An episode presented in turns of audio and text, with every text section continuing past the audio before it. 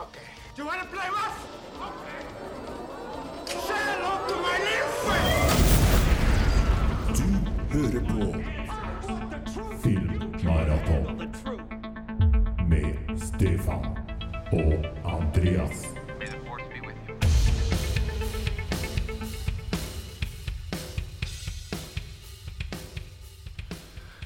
Ja, Stefan, ble du kjøpt det anlegget du snakka om forrige uke? Nei, jeg har ikke fått gjort det ennå.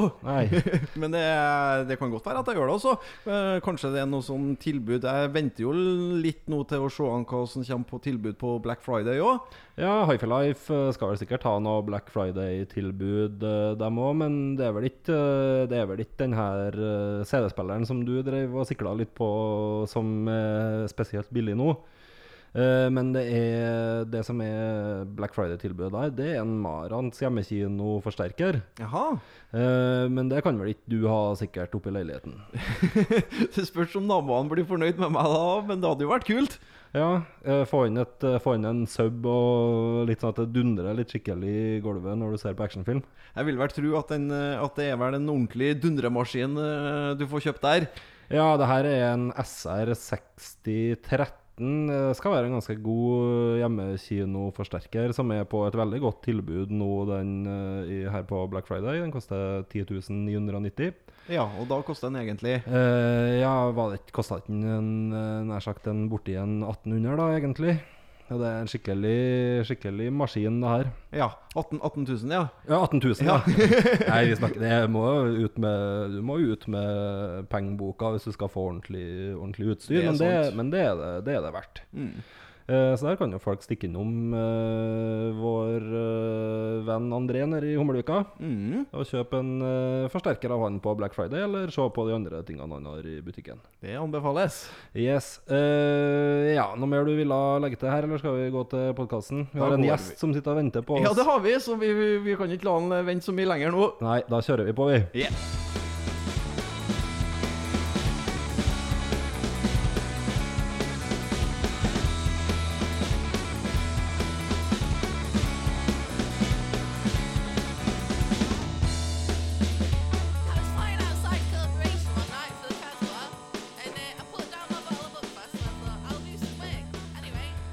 Velkommen til en ny episode av eh, Filmmaraton. Navnet mitt er Andreas Balstad. Med meg i studio har jeg som vanlig Stefan Tollefsen. Hei sann. Eh, I tillegg, eh, Stefan, så har vi med oss en eh, gjest i dag. Det har vi, vet du. Eh, det er Vegard Vold. Hallo! Hallo. Eh, du er jo fotballspiller, eh, Vegard. Ja, det stemmer. Eh, du sa i stad at du i hvert fall har en par måneder igjen på kontrakten. Ja, jeg har ut året, så får vi nå se om det blir neste år. Ja, men det ligger an til det kanskje at det blir en sesong til for eh, Levanger. Har eh, fortsatt eh, talent og håp om tilbud fra store klubber. Så. Ja, Det er jo litt krise i Rosenborg, kanskje. Kanskje de trenger en midtbanesliter. Trenger vel en som nærmer seg 40, dem, ja. De trenger det. Eh, du har jo en lang karriere bak deg, både i Levanger fotballklubb og Ranheim og Hønefoss, blant annet. Ja, stemmer det. Ja. Liten tur innom Stjørdalsblink òg. ja. Jeg ble et halvår i Stjørdalsblink. Du ble ikke med på opprykket.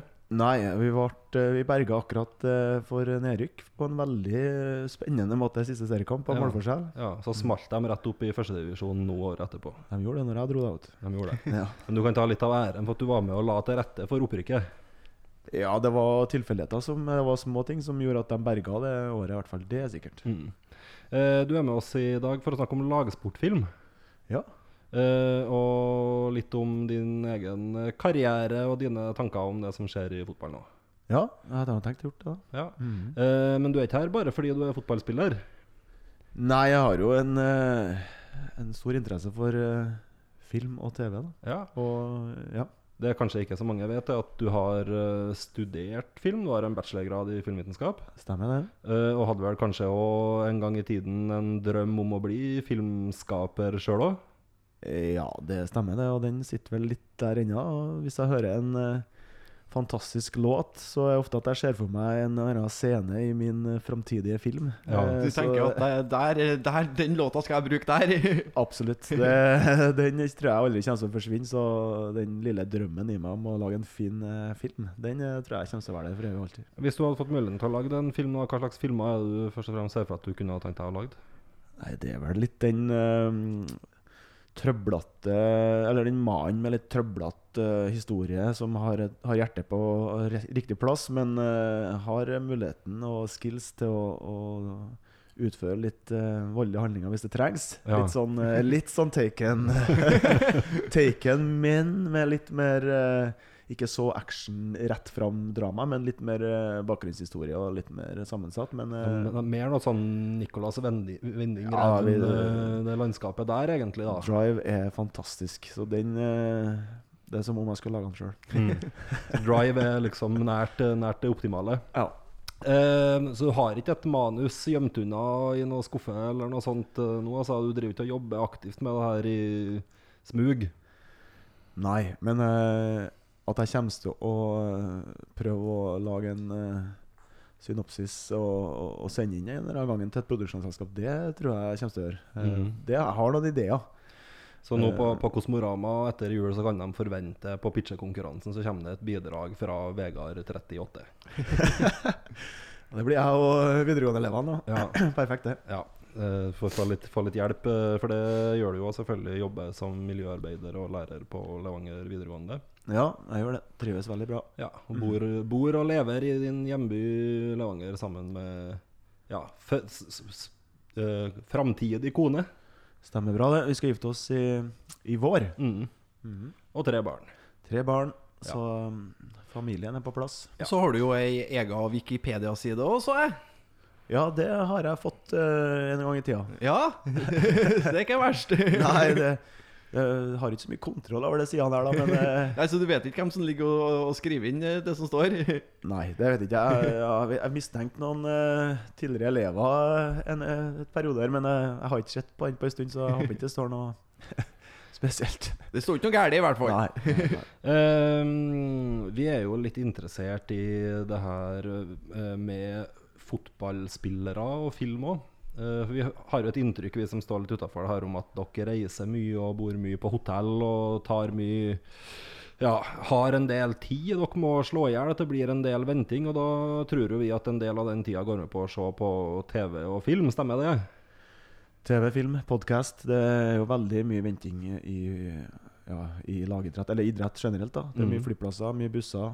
Så det, er- det er mye venting, og da må du slå i hjel den tida med noe. Så. Hva er det folk eh, ser på? Er det Ja, altså uh, Fotballspillere er vel som folk flest, da. Mm. Uh, det går i Game of Thrones og Breaking Bad og den type ting. Uh, altså, det er mye vi, vi spør jo hverandre masse, masse om eh, hva er det du ser på, hva er det du hører på.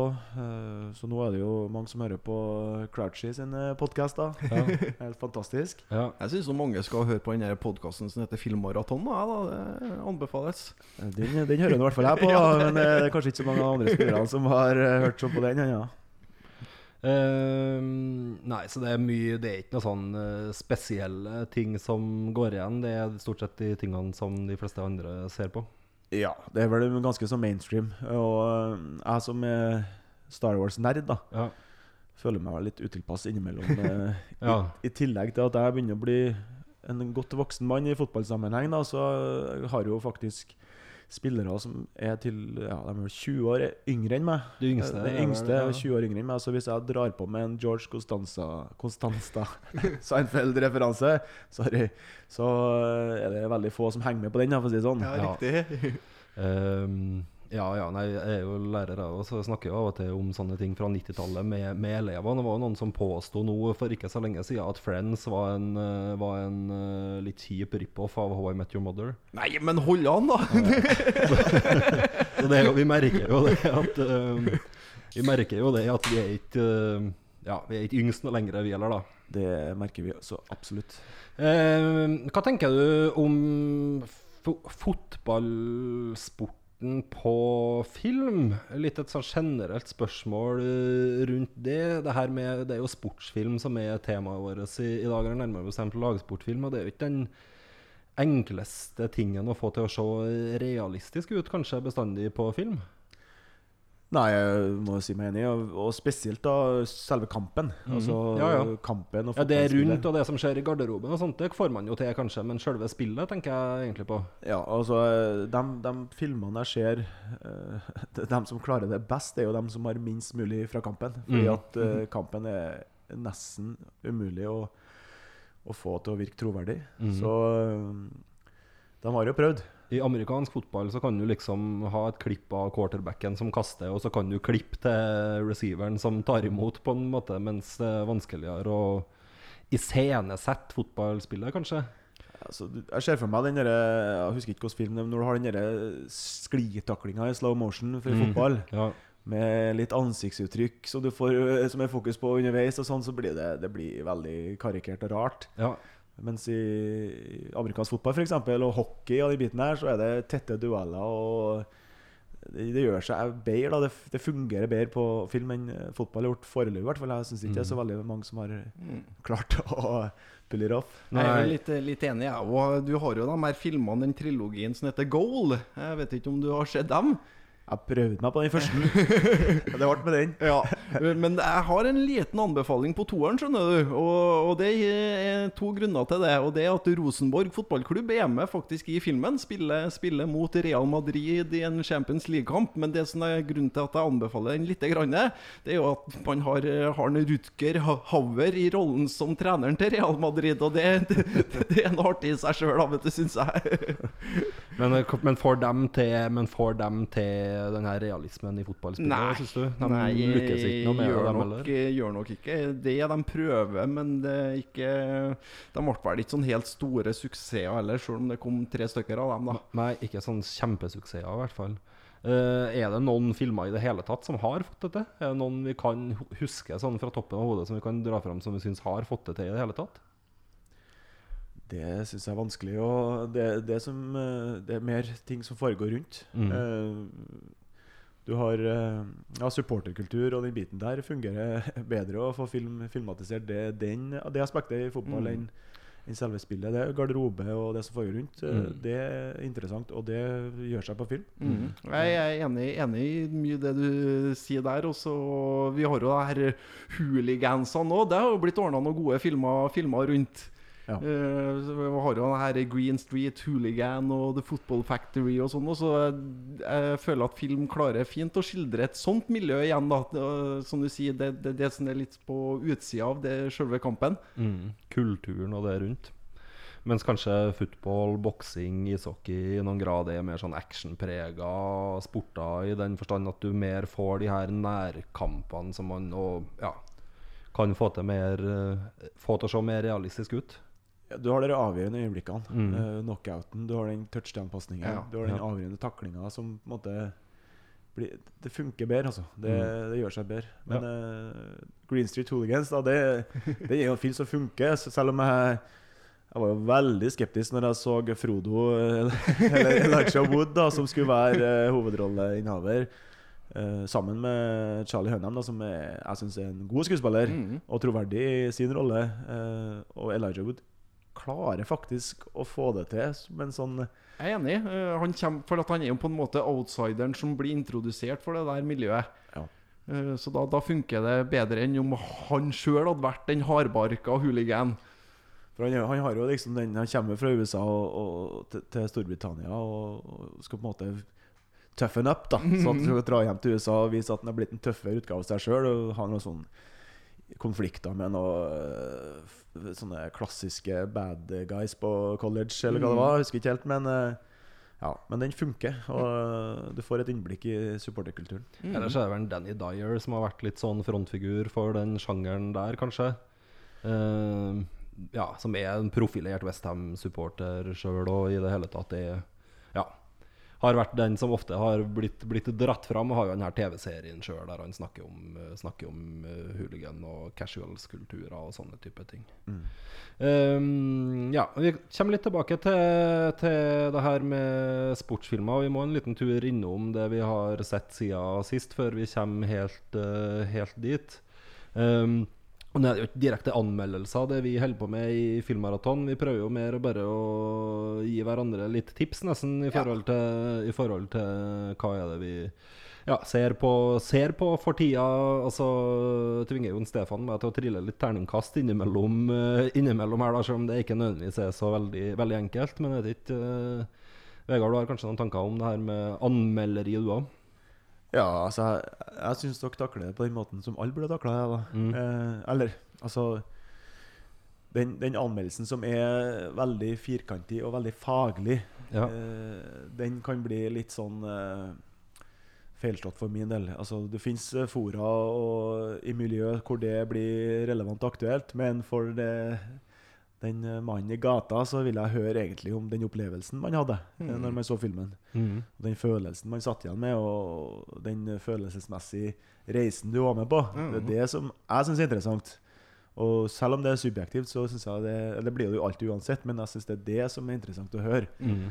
Sånn at uh, måten dere eh, anmelder filmer på, det syns jeg er midt i blinken. Ja, det er bra. Uh, du har med en film til oss, du òg? Eller en TV-serie, kanskje? Ja, jeg har eh, Altså, det har jo blitt så mye TV-serier og muligheter på streaming nå at for mye, egentlig. det, det, det er sånn at det er nesten litt sånn tilfeldig hva man ender opp med å se på. Det er nesten umulig å kutte gjennom støyen på TV-seriestreaming, nesten fordi det er så enormt mye nå som holder OK kvalitet. Så, så altså, grunnen til at jeg begynte å se på den serien som jeg ser på nå, det var helt tilfeldig via en uh, Instagram-post. okay. uh, som uh, Det sto noe om at Drake hadde Altså verdens største artist, Drake, hadde mm. måtte vekt liv i en britisk TV-serie, tenkte jeg. Mm, mm. Det var interessant. Så så jeg litt om det. Det var den britiske serien Top Boy. Ja. Og den, den er rett kult, da, for at den, eh, den kom i 2011. Da kom det fire episoder. ja. Ble kritikerrost og gode, gode anmeldelser. Og så kom det nye fire episoder i 2013. Og så fikk den ikke noe fornya funding, da, sånn at den ble eh, kansellert. ja. Og så var det sånn at Drake da på en uh, turné ble anbefalt Top Boy av noen. ja. Og så så han på den, og så posta han en del Han har en Instagram-posta om at han syntes Topboy Top Boy var helt fantastisk. Og så fikk han kontakt med folket bak Top Boy. Og så Drake har jo litt kroner, da. Det har han jo. Sånn at han sa at vet du hva, herre må vi få eh, en sesong tre. Få serien opp og gå igjen. Så eh, bring the band back together. Altså. Ja. Samle en hele gjengen, hele casten. Og så en sesong tre som ruller og går på Netflix nå. Med, Så en fem-seks år senere, da ja, nettopp. Ja. Så, og den, eh, den, den vi, vi møter den gjengen fem-seks år senere òg, da. Mm. Så det Men eh, for å si litt om den serien, Ja, da. gjør det. Det handler jo om eh, sånn samtidsskildring av eh, Øst-London. Okay, ja. uh, Fattig strøk. eh, mange ungdommer fra utenlandsk eh, bakgrunn som, eh, som driver med narkotikasalg. Mm. Og noen eh, driver litt med eget bruk òg. Ja. men eh, det er litt sånn Det er litt wire Ja, er, over det, er det en parallell, eller en uh, Det er en parallell. Ja. Det er det. Eh, fordi de har Det er troverdig. Mm. Det er troverdige karakterer. Eh, det er du, Det er genuint, liksom. Du, du føler ikke at uh, her er det er ikke noe Det er, det er, det er på ekte, altså. Den følelsen du sitter igjen med, og det syns jeg Det er jo eh, fantastisk når du har et sånn samtidsdrama, som du kan kalle det, på sett og vis. Og eh, det er jo britiske rappere, stort sett, Ja, som er skuespillerne i TV-serien. Og eh, jeg syns det Den fenga meg fra første ti minuttene, og så ble jeg klistra. Og den anbefales veldig. ja. Um, så eh, Drake skal ha en takk fra meg òg, på at han eh, ga dem litt eh, cash og fikk på plass ting så det ble en tredje sesong. Ja, det er kult. Har du sett, uh, sett TV-serien til en Drake? da? Han slo igjennom kanskje først som uh, såpeoperaskuespiller, han òg, i det her Degrassi, den her high school-serien. Jeg har eh, ja, ikke sett den, jeg bare vet, vet om den, men ikke Ja. sett den. Nei.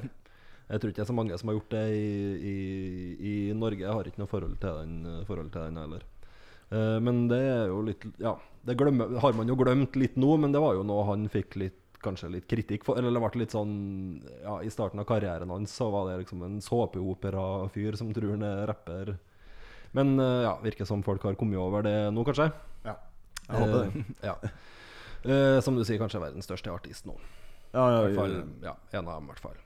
Eh, Stefan, du har sett eh, Du har sett Men in Black. Ja, det har jeg gjort. Jeg har sett den fjerde i rekka, da som heter Men in Black International og kom i 2019. Mm. Og Da er det jo Tessa Thompson som, eh, som er hovedrolleinnehaver, og er på en måte den her nye Will Smith. Da Eh, Minner jo eh, egentlig ganske likt som den første, første filmen der, at hun kommer utenifra da og okay, blir, blir ja. verva da som eh, Men in Black-agent.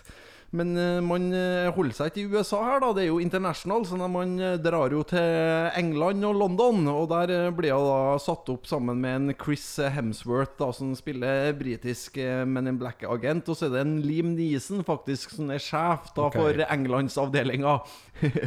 um, Nei, uh, filmen er jo, uh, som du kanskje skjønner, ikke i nærheten så bra som uh, den originale var.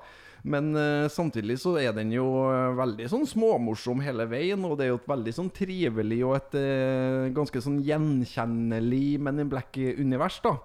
Og så får han en veldig pluss for at det er et par karakterer med i den filmen her som er mm, alien Rastafari-tvillinger. Og da fikk jeg jo med en gang flashback til en film vi har snakka om tidligere her. Ja, Matrix 2. Ja, så jeg vet ikke om det, om det er bevisst, om de har uh, syns at de karakterene funka jo tross alt bra da i en, en ellers skitfilm. Eneste positive med Matrix 2. Ja, det er jo egentlig det. Hvis vi skal dra essensen Hvis vi skal ta ut noe positivt fra den, så er det de her Rastafari-tvillingene, og de dukker, dukker opp igjen i Men in Black. Ja.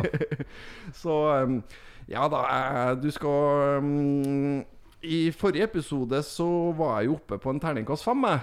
Uh, og det var Syns jeg at vi skal tilbake på en terningkast fire-film igjen. Ja. Uh, og da var jo Men in Black International midt i, midt i blinken for det, for det er nettopp det den er. Den er jo langt dårligere enn eneren, som jeg vil si er en terningkast seks. Uh, og den er òg dårligere enn treeren som kom for noen år siden, som jeg syns var en positiv overraskelse. Mm.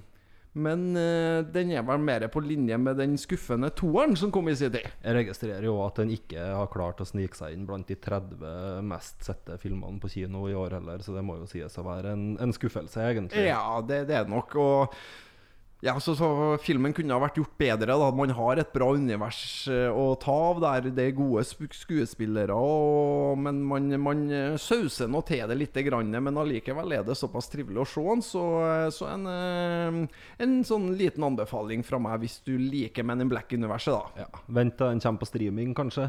Eller Ja. skal, man, skal man kjøpe den her? Eh, hvis du har de tre første i samlinga di, så må du kjøpe den fjerde òg, tenker jeg. Men ellers så kan du godt vente på at den kommer på Netflix eller eh, Viaplay eller eh, noe lignende. Jeg tenker det.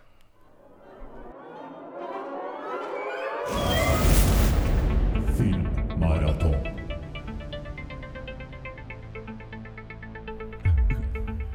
Har du noe forhold til Men in Black-serien, Vegard? Ja, sånn er de første filmene som kom, men uh, Dere der eh, Når det blir en sånn kommersiell suksess som eh, sjelden eldes bra Altså, pengene styrer, og de skal spy ut det de kan mens de kan tjene penger. Og det er sjelden eh, kvaliteten eh, bevares eller stiger, da. Eh, Mhm. Så du har jo noen eh, eksempler. Uh, F.eks. Avengers og Endgame, som uh, jeg syns er fantastisk. Men uh, der er det ekstremt mye penger inne i bildet. Da, så, sånn at eh, de kanskje legger mer flid i det. Men, men Black havner litt i den skuffa hvor jeg tenker at OK, den velger jeg å ikke bruke penger eller tid på. Men Stefan sier at du Nei, Stefan sier at du kan gjøre det, òg. Ja, for hvis du liker, hvis du liker de tre første, så er det jo er den helt grei å bruke tid i sånn, sånn en dårlig, dårlig søndags formiddag. Ja, men det, for å gjenta litt det vi snakka om tidligere, da, at eh, i den jungelen som er av tilbud, så havner den langt ned på prioriteringslista, for å si det sånn. Men at, uh, at uh, ja, det må være en søndag Uh, det der, ja, hvis at Det er skal- noen ganger man må se noen filmer som ikke er helt top notch òg. Litt sånn hjernedød underholdning, det er jeg helt enig i. Det er godt noen ganger. En film du kanskje har tenkt å få med, det er 'Once Upon a Time in Hollywood', som jeg har sett nå. Eh, Tarantino sin Hva blir det, Stefan? Niende film? Nå er vi på niende, ja. Uh, som gikk på, gikk på kino da i, i sommer og tidlig i høst. Eh, og var en brukbar hit der, som alle Tarantino-filmer for så vidt er. Det er alltid stor interesse når det kommer noe nytt derifra. Det Ja. er ikke, eh, etterspørselen er ofte større enn tilbudet på Tarantino. Det er det, og den gikk jo òg for å være en av de bedre Tarantino-filmene òg på noen år. Bedre enn kanskje de westernfilmene som har kommet sist nå. Jeg syns kanskje ikke han har lagd en skikkelig Kall det klassiker siden Inglorious Bastard, så det begynner vel å nærme seg ti år siden. Jeg er jo veldig glad i den tidlige delen av, eh, av karrieren hans, så syns jeg kanskje at det er litt mer ujevnt eh, etter hvert. Um, den her eh, er jo en, satt i 1969. eh, og alle vet jo at det er de her uh, Manson-drapene, eller det her drapet på Sharon Tate, som var kona til en Roman Polanski og en up and coming skuespiller på tidspunktet, da, som er bakteppet for denne historien. Men i tillegg så er det jo en slags sånn her nostalgi eh, En slags, kall det en litt en sånn hyllest til denne perioden i, i, i amerikansk eh, film, samtidig som han kanskje på noen tidspunkt kommer med noen sånne referanser til Tarantino sin egen karriere og en del av den ja, kritikken han har fått opp igjennom tida òg, i forhold til at filmene hans ofte er veldig voldelige, og det her med å bruke vold som underholdning og sånne ting. Men først og fremst så er det jo ei, ei vennskapshistorie. Det handler om to gode kompiser eh, som for første gang er sammen da, på, på film. Kanskje de to største skuespillerne i sin generasjon, Leonardo DiCaprio og Brad Pitt. ja. Eh, som for første gang da spiller sammen, og da spiller, spiller gode venner. Der DiCaprio spiller den her litt avdanka westernstjerna, og Brad Pitt spiller stuntman, stuntmann og sjåfør og alt mulig mann og kompis da Det var det som var litt inspirert over eh, forholdet til Hal Needham og Burt Reynolds, som Marius snakka om i en eh, tidligere episode av TDP. Ja, det har vi vært litt innom før, at det var, var inspirert av forholdet mellom, mellom dem. Eh, så det er på en måte den historien som ligger litt i bunnen. Og så er det, følger vi liksom alle de her begge de her karakterene eh, og Margot Robbie, som spiller da Sharon Tate i denne filmen. Som tar oss med litt rundt på forskjellige plasser i Hollywood. Litt sånn det, Den har ikke Det er vel kanskje noe jeg opplevde litt som en svakhet i starten av filmen, at den har ikke sånn tydelig retning. Den, den drifter litt rundt i, bare i det her landskapet i Hollywood, uten at vi helt vet, skjønner helt hvor den vil hen. Den første timen, kanskje. Og så sånn fra ca. time to og, og utover, så begynner, skjønner vi hvor, litt mer hvor den vil. Da begynner det å dra seg til litt mer, og de her hip, hippiene, eh, det her Manson-gjengen, begynner på en måte å, å, å, å krype litt mer inn i denne fortellinga et, etter hvert, da. Eh, Så jeg skal ikke avsløre slutten, men jeg syns den den siste halvtimen kanskje var den mest, eh, mest interessante her. Og, og noe av det Ja. Og, og absolutt noe av det mest ja, art, hva skal jeg si, ikke morsomme heller, men noe av det mer eh, engasjerende Tarantino har gjort på ei stund. da. Mm. Terningkast seks, eller? Nei. Ikke? eh, nei. Ehm, det får den ikke av meg. Jeg likte den sånn helt OK. eh, og syns at den tar seg som sagt veldig opp i, i forhold til hvor engasjerende og interessant den er utover i, utover i filmen. Brad Pitt er veldig god. Eh, kanskje beste rollen han har gjort på lenge. Eh, og stjeler alle scener han er med i, egentlig. Siden uh, har han det der uvanen sin at han spiser på et eller annet i hver jævla scene i denne filmen nå, eller? Nei, man, nei han har ikke det. Det gjør han jo i alle andre filmer, så står han jo alltid og et på et eller annet. Ja, det er nok litt, det er litt mat og litt Han drikker drikk en del og, og røyker en del og, og litt, forskjellig, litt forskjellig her, da. Ja. Men han er jo ja, han er jo en sånn ja, Men sånn- hvem, hvem syns vi er best i film- og TV-verden? flink, den flinkeste til å spise. Den som gjør spising til noe helt eget. En egen kunst. Mm. Ja, vi, i Tarant vi har jo en del i Tarantino. Vi har jo John Travolta. Er jo god til å sette pris på en god milkshake, Ja, f.eks. det er sant. han, klarer, han klarer jo det. Jeg har en soleklar vinner, da. I mitt uh, hode, i hvert fall. Og Mm. Ja. det er James Gandolfini som eh, Tony Soprano. Ja. Når han sitter her i eh, I den singletten med litt sånn flekker på, ja. og bare kaster maten i tallerkenen. Det er helt nydelig. Helt nydelig, og Han gjør det nesten hver episode. For han starter jo som regel på morgenen på frokostbordet. Ja, ja, Og der er han helt Åh, det er nydelig. Avslutte med noe nattmat eh, Ja, ja, ja. For, for seg sjøl borte på kjøkkenbordet der alle andre har lagt seg. Det er sant, det. Det er mye spising i Sopranos. Ja, det er det. Jeg tror jeg går for, for Terry Jones sin eh, karakter i Monty Pythons The Meaning of Life. Jeg. Han, Ja. han som kommer baggende inn på restauranten der. Han som eksploderer til slutt. jeg, kan, jeg husker ikke navnet på han karakteren. Ja, han er noe eh, fransk navn, ikke det? Jeg, jeg, jeg husker ikke. Men han spi, spiser alt de har på restauranten. Uh, ja. Sopranos ga jo ut ei ega kokebok, forresten. Har du, du har ikke den? Nei, men den har jeg hørt om. Jeg har ikke Ja, den. nei, Jeg har kjøpt den i sin tid. Ja. Ja, jeg tror jeg har gitt den til en Marius. Ja, riktig. Ja da. Nei, skryter, mange som skryter av den, som har, og mange og, kanskje på vår, i vår generasjon på starten av 2000-tallet òg, som prøvde seg på Itali, det italienske kjøkken etter å ha sett, etter å ha sett, uh, sett Sopranos. da Eh, nei, den får en terningkast fem av meg, tenker jeg. Once Upon a Time in Hollywood. Det er nok eh, Jeg syns ikke at den måler seg med hans aller beste. Den minner kanskje mest om Jackie Brown i, i tempo og, og tone. Men jeg syns, den- jeg kompensere for en start som jeg kanskje ikke syntes var så engasjerende hele tida som jeg hadde forventa av en Tarantino-film. Men Det er er kanskje jo- mine forventninger at jeg går inn, og så blir du bare holdt fast fra starten og syns alt er Ja, ja. interessant, men, men ja. Men det er en film som du kan se flere ganger, tenker jeg. Det kan godt, det kan godt hende. Det kan godt hende at, at eh, Ja, jeg kan godt tenke meg å kanskje se den en gang til om ikke så veldig lenge, for å se om opplevelsen min er annerledes da enn det den var, enn det den var nå. Mm. Så det er et, eh, det er et eh, foreløpig terningkast fem, må kanskje si, kanskje si det. da Du anmelder til terningkast fire, sånn egentlig, Egentlig, i det du sier. Eh, egentlig gjør jeg du- det. Men hva er grunnen til at du eh, lukter på femmeren? da? Er det, er det cast? eh? Nei, jeg syns, jeg syns slutten Jeg syns jeg, eh, var på en firer etter de første 90 minuttene, kanskje. Så syns jeg den, Ja. siste ti, den siste timen det jeg satt igjen med rett etter at jeg har sett den, det var en god opplevelse. Hvis man kan si det sånn. Men, det, den første, men starten av filmen syns jeg nok ikke Da syns, da var, syns jeg Jeg skal ikke si kjedelig, men ikke så engasjerende som jeg hadde forventa at en ny Tarantino-film skulle være. Ja. Men den opplevelsen jeg satt igjen med når jeg hadde sett den ferdig, den var, da var summen i hodet mitt OK, det her var en god opplevelse. Mm. Så, så se den, og, og ja.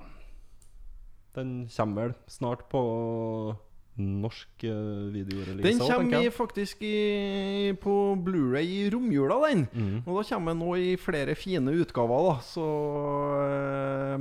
Dette kommer vel en sånn boks, blant annet, som har med masse snadder og ekstramateriale og sikkert noen postkort og det som er. Ja. Nei, vi får eh, komme oss eh, litt eh, videre, tenker jeg. Og da er vi klar for å begynne å snakke om lagsportfilmer, Ja. som er den uka her sitt maraton, da.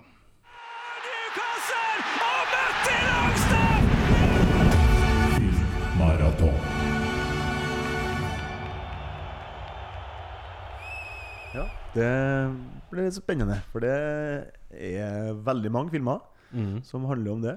Og det er jo fordi at det fungerer bra på film, da. For det, det blir masse drama. Mhm. Eh, det er spenning. Det er fra, fra, fra taper til helt. Mm. masse sånne historier som gjør seg gode på film, da. Ja, vi har jo snakka litt tidligere, i, om det var den podkasten her eller den forrige podkasten vi hadde om det her med, med skole, som, skole som et sånn mye brukt eh, setting òg, som er et sånn mikrokosmos, eller hva man skal kalle det, der du har liksom alle typer av folk, og, og du får de her eh, ja, alle mulige slags relasjoner som du vil finne andre plasser i samfunnet, men det som du kanskje får som et tilleggselement i lagsportfilmen, det er jo det her med at nå står på spill, som regel.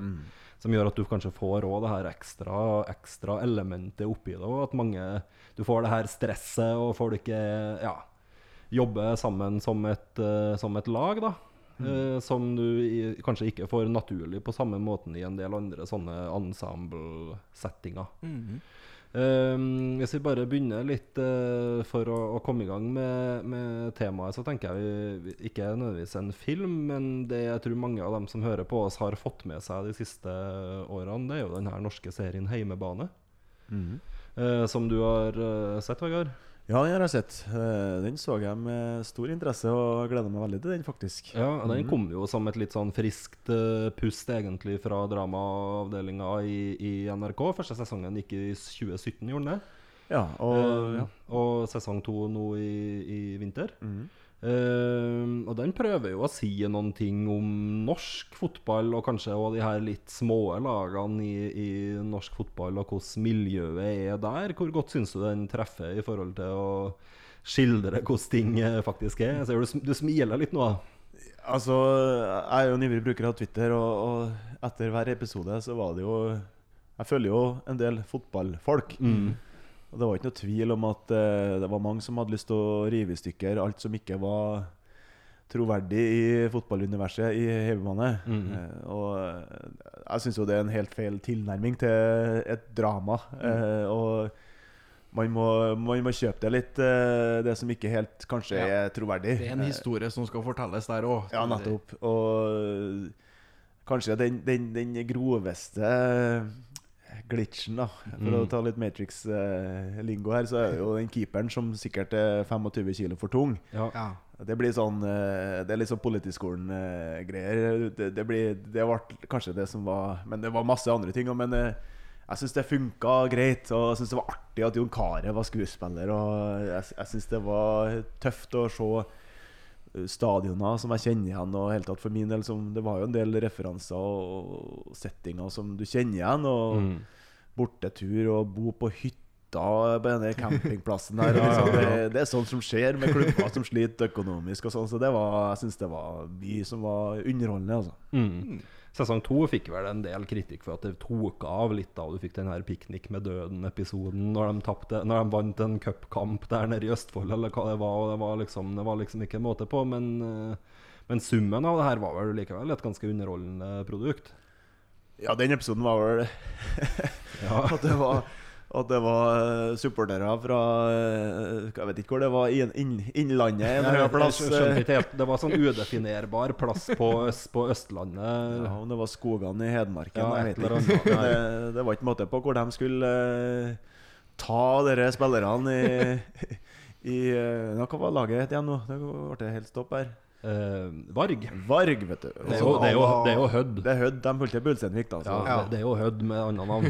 Ja, men den sesongen der det, det, som det var der at de skulle ta for seg alle de kontroversielle temaene. Mm. Det skulle være eh, en spiller som kom ut av skapet. Det skulle være eh, Jeg husker ikke alt. Det var på rekke. Metoo. eh, Metoo, alt. Alt skulle stas opp. på det, det kan jo bli litt sånn slitsomt da i, en, Mm. uh, i noe som skal være underholdning, kanskje. At eh, Det er fint at du gjør det noen gang, men at, det, Blir for mye boller. ja, at hver episode skal ta opp et nytt tema, for å si det sånn. I tillegg til den historien du skal fortelle, så kan det bli Ja. litt uh. Tanken bak det er jo god, selvfølgelig, men man mista kanskje litt fokus på det som egentlig var det viktigste og mest interessante i, i heimebane, som tross alt var hvordan går det med det her laget, og hvordan går det med de her familierelasjonene til Ane Dahl Torp sin karakter, og hvordan går det med ja, alle, de, alle de tingene her, da. Mm. Og de her spillerne som vi hadde blitt engasjert i, og Jon Carew sin karakter. Jon Carew er bra, han. Han funker. Han gjør det. Absolutt. Uh, uh, så, så ja. Han traff vel på litt og bomma på litt, skal vi si det, si det sånn. Ja. Men, uh, men du mener at den gir ikke noe sånn kjempegodt bilde egentlig av hvordan det er i garderoben i en typisk norsk fotballklubb? Ja, altså ikke- er ikke helt fjern. Nei. jeg syns ikke jeg. Men en del av elementene som må være der for at du skal ha framdrift i historien, og det skal være eh, litt drama rundt det hele, så selvfølgelig. Men eh, jeg syns det var bra Altså, jeg å dra fram Emma Bones, da, som jeg syns var helt fantastisk Ja, hun er bra. eh, Ja. skuespiller. Mm. Ja, hun er veldig bra. Ja, så hun tror jeg har en lovende karriere foran seg. Ja, hva, og hva heter han som spilte han Adrian Ausnes? Han er jo et kjempe, kjempetalent. Det er de yngste skuespillerne som er de aller beste her. Aksel Bøyum. Ja, han er jo veldig, veldig god, syns jeg. Ja, så Men han, eh, han eh, um, mannen som elsket Yngve, da. Ja, uh, Rolf uh, oh, ja. Christian Larsen, er det? Ja, nei, han er jo alltid god, syns jeg. Ja. Han er jo, har jo en sånn naturlig kvalitet som er så sympatisk og, og lett å, Ja, er sant. Mm. like òg. Men Jon Carew gjør seg absolutt ikke bort i det selskapet her. Nei, han, eh, altså, han er troverdig. Han skal jo være den sleipe proffen som kommer tilbake og skal Ja, ja. bare melke litt uh, casher på tampen av karrieren. Men han har jo et hjerte, og han, eh, han, uh, han dummer seg litt ut. Men han uh, det, Du tror på det, og det, Mm. det funker. Selv om det er Jon Carew som kanskje ikke eh, folk tenker på som en eh, stor skuespiller, så han leverer helt OK, altså. Var det generell eh, tilbake si, generell mottagelse i fotballmiljøet med at folk hang seg veldig opp i alt det som var urealistisk, eller hvordan likte folk den serien her, egentlig? Eh, folk så den. Mm. Det er vel det, det, det som er viktigst. Eh, og så var det jo selvsagt eh, mange som hang seg opp i detaljene om det som ikke var troverdig. Mm. Eh, I tillegg så syns jeg det er litt interessant å si Jeg har jo en del svensker på eh, laget mitt i garderoben. Og Ja. de eh, har jo hekta seg på hjemmebane og syns det er helt fantastisk. Og runda det fortere enn de runda Game of Thrones. Ja, det gjorde de, ja. Så det, det traff en nerve hos svenskene. OK. Har du noe peiling på hva det var? Nei, det, Kanskje de ikke har noe sånt lignende sjøl, jeg vet ikke. Men det var i hvert fall Hadde en veldig sånn interesse der, altså. Kommer det en sesong tre, tror vi det? Jeg mener jeg har hørt noe om at NRK, altså produksjonsselskapet, har både planene og manus og sånn klart for en sesong tre, men NRK sier at nå har vi brukt nok penger på heimebane, vi har nødt til å prioritere våre midler på nye prosjekt. Ok. Så at hvis det blir en sesong tre, så vil det da eventuelt bli noe Viaplay eller noe sånt som kjøper, kjøper opp det. Ok, Så NRK drama voksen intern skal ikke ha noen ting med Nei, det var kanskje aldri intern, det var kanskje alltid kjøpt uh, Alltid kjøpt- kjøpt- fra, kjøpt fra et, eks, ekstern. Og det er jo riktig, og litt av NRK, at de kan ikke på en måte smekke alle pengene sine på én serie år etter år. De, man må prøve ut nye ting òg. Det er litt av samfunnsoppdraget deres igjen. ikke sant? Så da er det kanskje mer riktig at en sesong tre blir kjøpt opp av Viaplay, og så så vil jo ikke den ha såpass stor interesse hvis den kommer, at eh, de, de får nok tilbake pengene sine. Sånn sett. En litt lignende film og etter hvert TV-serie, det var jo den her Friday Night Lights. Eh, ja, kanskje ikke lignende på så mange måter, heller, men tar jo opp noe av det samme, men med en ganske annen tilnærming. Uh, det kom jo først som en film av Peter Berg i 2004, og så ble det jo etter hvert en TV-serie som fikk vel fem sesonger da på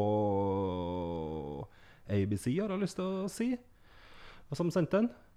Ja, det var kanskje det. det men eh, altså, det, det, den, den TV-serien der syns jeg er helt fantastisk. Uh, selv om den òg portretterer det, det high school-livet i USA, som mange mange TV-serier har gjort før, så er det noe Det er et helt annet nivå, en kvalitetsforskjell på det her. For her er det jo en troverdig som, er som altså det, det er jo et ord jeg bruker mye om det jeg liker, da, men det handler jo om det. Altså når du, når du kjøper det du ser at her, her, her, her er, faen, her er riktig, altså. Her er virkelig, her kan jeg kjenne meg igjen i. Her, her eh, tror jeg på.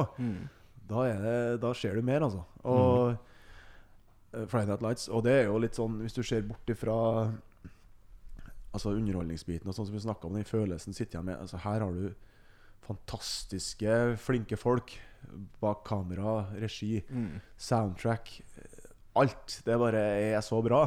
Eh, sånn at det er en av mine kanskje store favoritter, uavhengig om det er sport eller ikke. Altså Det er en jæskla bra TV-serie, rett og slett. Det er det. Vi kan komme litt tilbake til serien. Hvis jeg, eh, filmen, uh, Stefan, den har jo du sett som en del av uh, mara, maratonen. Ja, jeg, har jo ikke sett uh, selve TV-serien. Jeg har jo hørt mye om den, og at den skal være bra. Mm. Men jeg så nå iallfall filmen på, i forbindelse med det her, og den likte jeg jo veldig godt.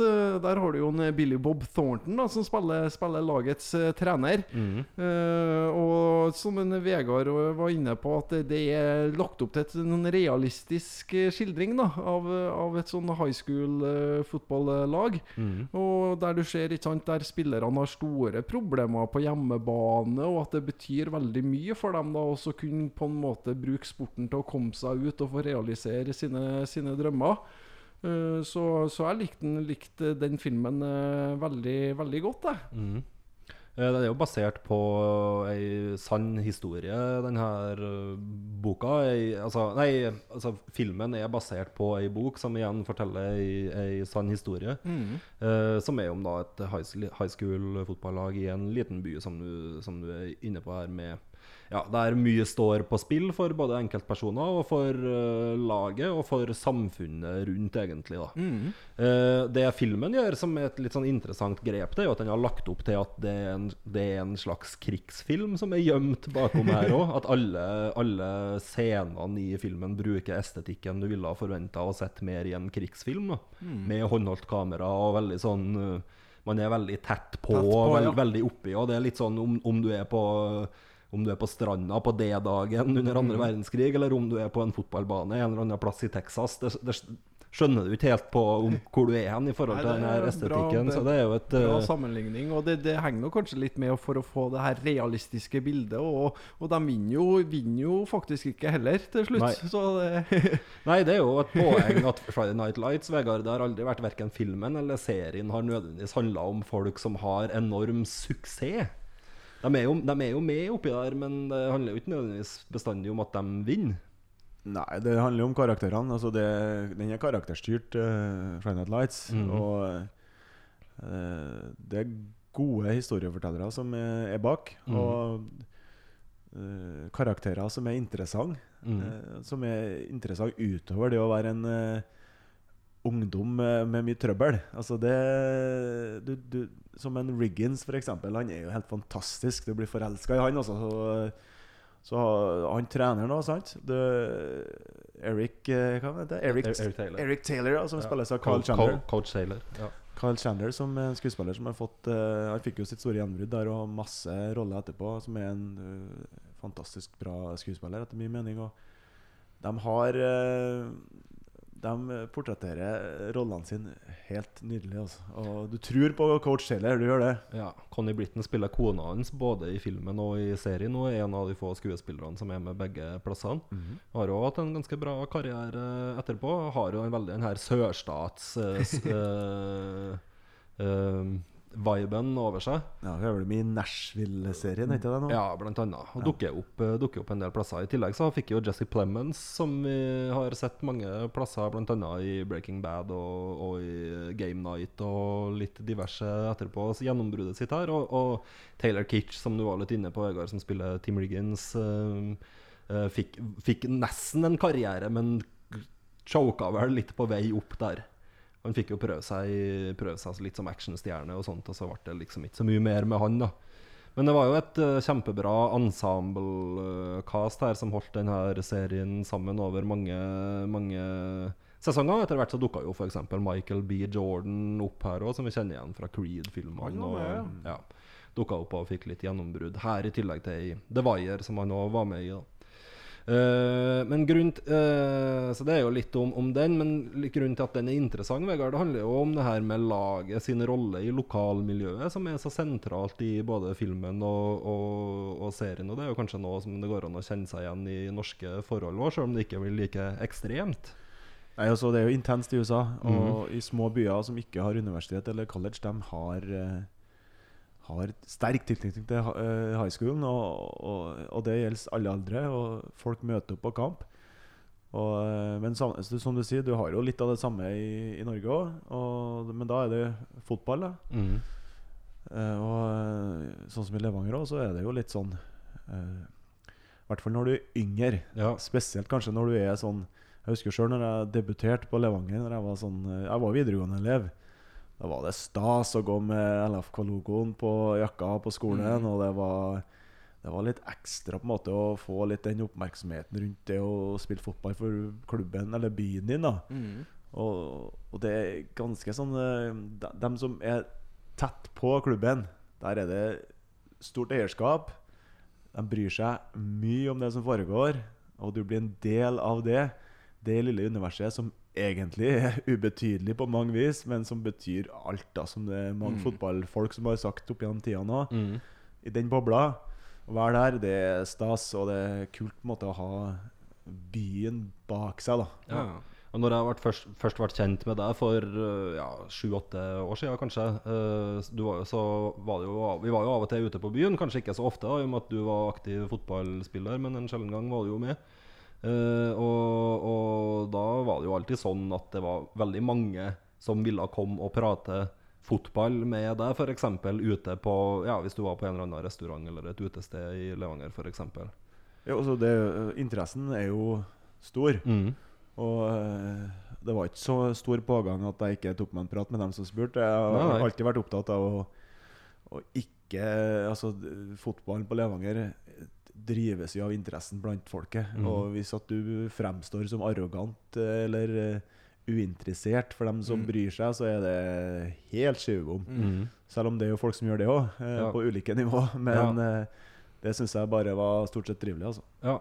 Jeg ser kanskje ikke så mye av det noe lenger nå som det var en periode da, når, rundt opprykket til Levanger og den perioden der når interessen virkelig var på topp, men Ja, det går jo litt i bølgedaler, det gjør det. Og akkurat nå så har jo ja, Om ikke bare oss, men kanskje fotball i Norge litt sånn uh, utfordringer på interesse og publikumsstøtte og hele den biten der. Så det er kanskje et litt sånn større tema enn bare Det har du nok rett i. Vi ser det nok eh, jevnt over landet at det har dalt litt interessen på norsk fotball. Og så kommer det nok til å gå opp igjen uh, ved en anledning, at, tenker jeg.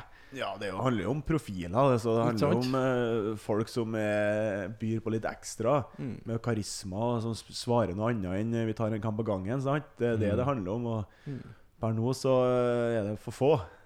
Og dem som er profiler og kandidater til å være litt sånn eh, interessevekkere, dem eh, blir jo til og med knebla litt. Så det ja. får beskjed om å ikke snakke med mm.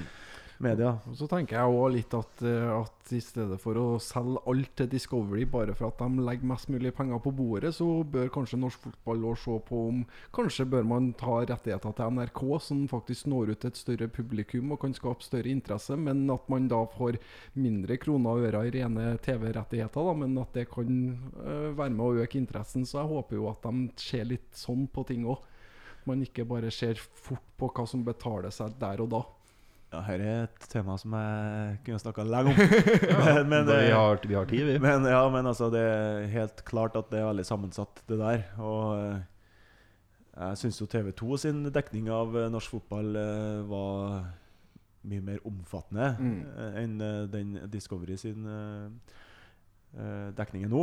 Så NRK Kanskje har mer, tab kanskje mer tabloid på godt og vondt òg, men det skapte jo en, annen, skapte jo en større interesse rundt produktet.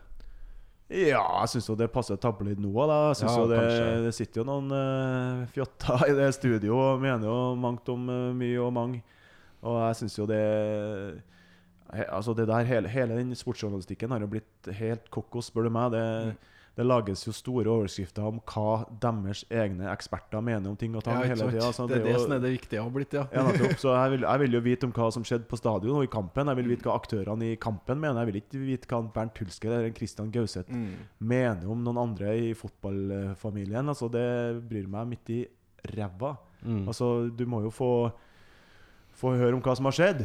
Det er det vi, publikum vil vite. Men jeg skjønner jo det blir noe klikk på sakene til Se Bernt Hulsker klikke i studio, den biten der. Det, er- det er mange av dem. Det er mange av dem, og det er ikke bare tar fram Hulsker. Jeg syns han er en eh, artig type i sitt Ikke noe eh, galt om en Hulsker, sånn sett. Nei, i, i, i podkast og diverse fantastisk artig fyr. Men eh, sånn den der trenden som er i journalistikken, eh, sportsjournalistikken spesielt, da, Mm. eh, syns jeg er grusom, altså.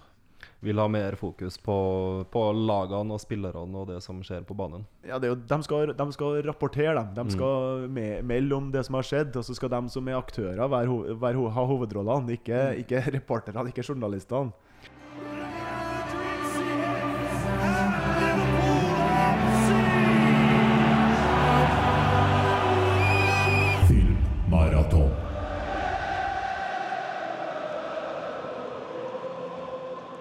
Det der er jo noen ting vi ser en del av i en annen film, hvis vi beveger oss litt, eh, litt videre. Det er jo i eh, Oliver Stone sin 'Any Given Sunday' fra 1999. Som kanskje som også foregår rundt et fotballag. Det er vel et slags fiktivt NFL det her foregår, da. Eh, topp, et slags toppnivå, amerikansk toppnivå for uh, fotball i, rundt det her laget Miami Sharks. Eh, og det er jo en film, og en ensemblefilm, altså, som ikke nødvendigvis fokuserer på én spesiell karakter, men som prøver å si noen ting om det her laget og organisasjonen rundt, med eiere og med journalister og hele den her uh, hva skal si, organismen som på en måte beveger seg rundt, uh, rundt det her laget, og interessen, interessen for det. Eh, hva slags forhold har du til den, eh, Stefan? Ja, den har jeg egentlig et veldig godt eh, forhold til. Jeg kjøpte den når den var ny på VHS da i, i sin tid. mm. Og likte den veldig godt da. Så har jeg nå sett den litt med jevne mellomrom etterpå. Når jeg så den igjen sist, så skuffa den meg bitte litt. Den gjorde det. Det, det er litt å ta den på, ser jeg, ser jeg nå. Men eh, Pluss at den kanskje ikke har holdt seg Ja, den har tapt seg litt, men, men allikevel mye artig, da. Og det er jo kjente fjes i så godt som alle roller. Eh, altså Vi har fra Charlton Heston til Cameron Diaz til Aron Eckhart. eh, alle på en måte er med i, i Sjøl de minste rollene, da, er det, er det noen kjente fjes i. Uh, Ann Margrethe. Ja, hun har jobb, vet du. Ja, nei, det er mye, det er mye mange kjente, mer og mindre kjente fjes da, som dukker opp, eh, dukker opp her. Gjennombruddsrollen til Jamie Fox. Ja. Uh, LL Cool J eh, er med her, men òg selvfølgelig den mange husker, er jo Al Pacino som den her karismatiske manageren. Treneren. Og Oliver Stone er han ikke med sjøl og spiller kommentator? Eh, Ja, han sitter oppi boksen, boksen her, ja. Eh, den vel, henger jo veldig fast i den her eh, sent 90-tall, tidlig 2000-talls uh, musikkvideoestetikken som var populær en stund der, da. Så at det er veldig høyt tempo, veldig høy klipperytme. Eh, Bytte kameravinkel hele tida, zoome inn og vel, det, det, det skjer så mye at den blir Den, Ja. den Gjør den eh, nesten litt utdatert i dag, altså. ja, det er det. Den, nå ser den bare overregissert ut og, og, og, og veldig sånn lost fast i den tida der, der jeg tror egentlig den her historia som ligger i bunnen, er mer tidløs og kunne ha vært og, og for så vidt kan funke like godt den, den dag i dag. Så, så gjør den ikke seg sjøl nødvendigvis noe tjeneste med akkurat det, at den blir så veldig låst og ser ut som en musikkvideo fra 1999 i to og en halv time. Eh, men ja, den er for så vidt eh, Den er for så vidt sjåverdig og, og god, tenker jeg, og har jo kanskje først og fremst den her veldig, veldig ikoniske motivasjonsscena, Vegard. Ja, du har jo talen til en, eh, Al Pacino, 'Inch by Inch', som uh, har blitt brukt i mang en garderobe Ja. i norsk fotball òg. Ja. Brann blant annet så vel den uh... Mons Ivar Mjelde hadde vel den uh, litt for sein, på en måte. litt, litt, ja. litt, litt for mange år etter den eh, har blitt sett gjennom av eh, mange Har blitt brukt av mange trenere. Så det kom den litt sånn at den mista litt eh, effekten. Kanskje eh, litt for ihjelspilt. Men eh, jeg syns den filmen eh, funker bra. Den, jeg synes jeg har sett den eh, Du har jo Dennis Quaid som eh, en rutinert Ja. herremann som ikke helt klarer å gi fra seg plassen til Jamie Fox. Sliteren på laget. Ja, jeg er liksom quarterback har vært det i alle år og har kona som trofékona som mm. pusher på at du kan ikke gi fra deg posisjonen din. Han, men han egentlig har knær som er ferdig. Helt ødelagt, Helt, egentlig. ja, helt ødelagt. Så han James Woods som er den litt sånn Hva skal jeg si den sleazy lege. sleazy lege med blondinedamer som står ved siden av seg på treningsfeltet. Som James Woods er jo alltid bra. ja, gir han bare masse kortisonsprøyter og diverse for å holde han i sjakk. Som for øvrig òg Det er jo ikke fjernt, det. Det er jo amerikansk idrett. eh, NFL, eh, NHL. NBA òg har vært kjent for å være rimelig løs med diverse medisiner og doping, for så, vidt. eh, Opp igjennom det har vel blitt bedre, men uh, når den filmen her ble laga, så tror jeg det var peak på steroids eller eh, lignende eh, prestasjonsfremmede apparater, spesielt i NFL. Mm. Hva tenker du om det her den prøver å si om trenerrollen og den her muligheten treneren har til å påvirke spillerne i lagsport? Jeg har jo nettopp tatt B-trenerkurs eh, forrige helg, eller avslutta forrige helg, da det har vært litt lenger, da. Men Og da har vi hatt masse foredrag, og eh, både på det vi lærte og det jeg har erfart sjøl, så er jo relasjonen til treneren og spilleren er jo helt avgjørende. og Al Pacino inviterer jo eh, spillerne hjem til seg sjøl på middag. Og, Jambalaya. Jambalaya, Litt spicy jambalaya. Ja. Eh, men altså den relasjonsbygginga, hvis en skal være litt eh, seriøs også eh, Det gjelder jo egentlig alt av prestasjonsgrupper, da, og egentlig som lærer òg. Kjenner igjen det fra pedagogikken òg. Ja da, det er jo pedagogikk i Mm. hele tatt. Eh, Du må bygge relasjon og må føle at det er trygt og godt, og at man trives og har det artig og stoler på den lederen du har, sånn at du kan prestere best mulig. Det, det er ikke noe tvil om det. Så treneren har en ekstremt eh, avgjørende rolle som leder, som trener på det som er utenfor banen, det sosiale forholdene til spillerne. Altså. Mm. Har du noe, hatt noen trenere sjøl som du har lyst til å trekke fram, som har vært eh, gode motivatorer? Eh, ja det, Jeg hadde jo en spesiell eh, episode med Perry, Ja! som er assistenttrener på landslaget nå. Uh, han er en fantastisk dyktig trener. Jeg syns han var kjempebra. Uh, jeg var jo en spiller som uh, ofte sa det jeg mente. Mm. Det er ikke alltid like populært i en sånn type kultur, fotballkulturen. Mm. Da er det på en måte treneren som har ordets makt og som avgjør. Men eh, jeg husker spesielt For han, han Perry ble henta inn for eh, at Ranheim skulle rykke opp Når jeg Mhm. spilte der i andre divisjon. Han var henta han fikk bra betalt. Og god CV. Egentlig altfor uh, lavt nivå for han. Mm. Men uh, det passa seg sånn, og så kom han dit, og vi skulle rykke opp og hente spillere og ikke måte på. Og så var det midtveis der hvor eh, det så uh, veldig mørkt ut, og vi hadde tapt 2-0 mot Bærum borte. Uh, og det egentlig så ut som det dette kom ikke til å gå, da. Spoiler alert, vi rykka opp likevel, men eh, da tok han for seg eh, hver og en i garderoben Ja. og bare kjefta dem huden full. Ja. Jeg husker ikke hva han sa til andre, for jeg var, satt bare og var livredd sjøl. Og så kom han til meg, og så sa han Du, hvilken stilling har du på Slåttenlund?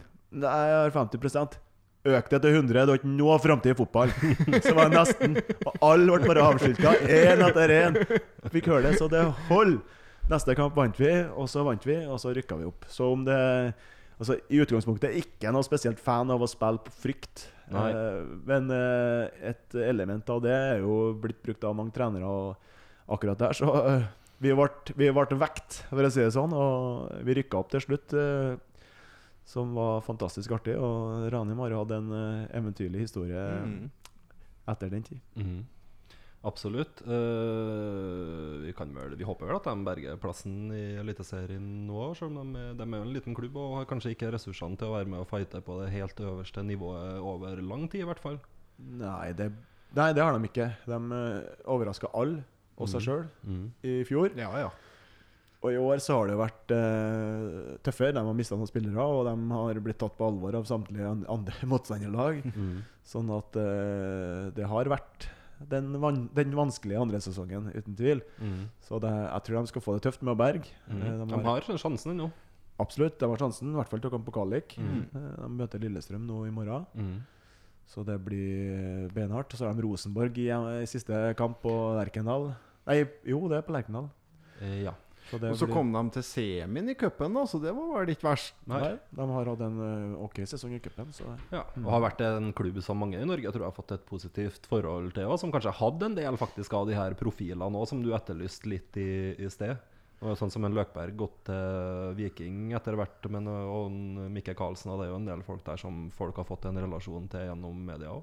Ja, absolutt. De bydde på seg sjøl, og de var med på det meste. Og det syns jeg er flott at en klubb eh, tillater spillerne til å mene litt uten at det skal stå en eh, representant fra klubben og passe på hva han sier. Altså, Jeg skjønner at eh, altså, vi er i Norge. Det er ikke Premier League, det er ikke milliarder som står på spill. Sånn at det er stor forskjell om eh, en United-spiller står og sier litt, litt halvkontroversielle ting kontra en Ranheim-spiller. Altså, vi trenger ikke å sammenligne oss med alle andre hele tida. Altså, vi kan skape vår egen eh, greie. Og det, Det syns jeg vi bør gjøre alle sammen i Fotball-Norge. Ja, og det kan vi godt dra dem fram som at de har vært veldig gode til. Og at folk, jeg tror folk som går og ser på Ranheim, føler at de kjenner de her spillerne litt og har en relasjon til dem. Ja, jeg syns de Um, har vært uh, jobba med det hele veien og en tydelig identitet om hva de vil. Og Frank Lidahl, som har vært uh, kong Ranheim i det siste, som kom fra Kolstad og gjort en bra jobb der. Vært andre plasser, men uh, det er han mest kjent for oss i Trøndelag. Han har uh, gjort en strålende jobb for å bygge den, det imaget da, for, for Ranheim sin del.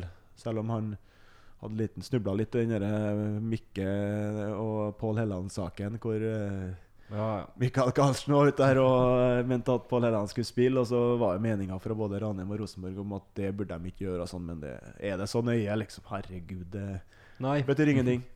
Nei eh, eh, vi kan eh, bevege oss litt videre til neste film. Det er en film som du har ønska å snakke litt om, eh, Vegard. Og det er denne filmen 'Rudy' fra 1993. eh, Som er en eh, Skal vi si en glemt liten Er, er den litt glemt? Jeg tror den er glemt. Eh, jeg tror ikke det er så mange som eh, drar fram den når de skal se en film, eh, men eh, det, vi har jo vår gode venn eh, Sam fra 'Ringenes herre', som Ja. eh, har hovedrollen. Han er jo en, en uh, ung gutt som er ja, sikkert 10-15 cm for lav og 15-20 kilo for lett i muskler til å egentlig spille amerikansk fotball. Men har jo en uh, lidenskapelig drøm om å få spille fotball på no Notre Dame sitt uh, college-fotballag. Som er historisk sett en av de beste i USA. Og har en familie og en tradisjon som, som, eh, som støtter han i den drømmen, og håper for alt i verden at han skal få debutert eh, for dem. da Det er jo østkysten i USA, det her, og det er jo en familie med smelteverksarbeidere her, med far og to, to eldre brødre og kompiser og hele gjengen her, som alle på en måte har den her drømmen felles, nesten, om eh, Notre Dame, som er laget i deres hjerte. da. Ja, så Han har jo noen brødre. altså En bror som kanskje er litt sjalu. og, og altså dem, Det er jo det er ikke noe det er fattige kår. og dem, Han er vel avhengig av å få et stipend for helt å gå på Notre Dame. Eh, for det koster penger. og Ja, jeg er jo ikke verdens smarteste fyr heller. Nei, han jo ikke det. Han, er, han, han har masse passion. Ja. Han er en fyr som uh, har hjertet utenpå alt han gjør, egentlig. Og det er jo det som er litt sånn uh, kjernen i filmen. da At eh, dette handler om en fyr som uh, brenner så inn i hampen for det han uh, brenner for. Mm. Sånn at uh, det er litt sånn hans vei, da. For han, det, han blir jo aldri noe fotballstjerne. Nei, han kan jo ikke bli noe større. Han kan ikke bli noe større. Han har, de sier jo det til han alle sammen. Han møter jo Alle folkene han møter, sier at du har ikke noen atletiske egenskaper til å klare det her. Men han eh, trosser det, og egentlig litt sånn i fornektelse også på det. Han vil bare Han skal klare det. Og så blir det jo sånn at han blir jo eh, på det laget som eh, alltid trener mot Eller sånn treningsspillere for dem som starter B-laget, på en måte. det er B-laget Ja. som, som aldri egentlig skal få spilletid, Mm. men som alltid skal være parat for å matche dem som skal starte. Og eh, det gjør han jo i, i to år, før han eh, får sånn respekt da, blant de andre spillerne på laget.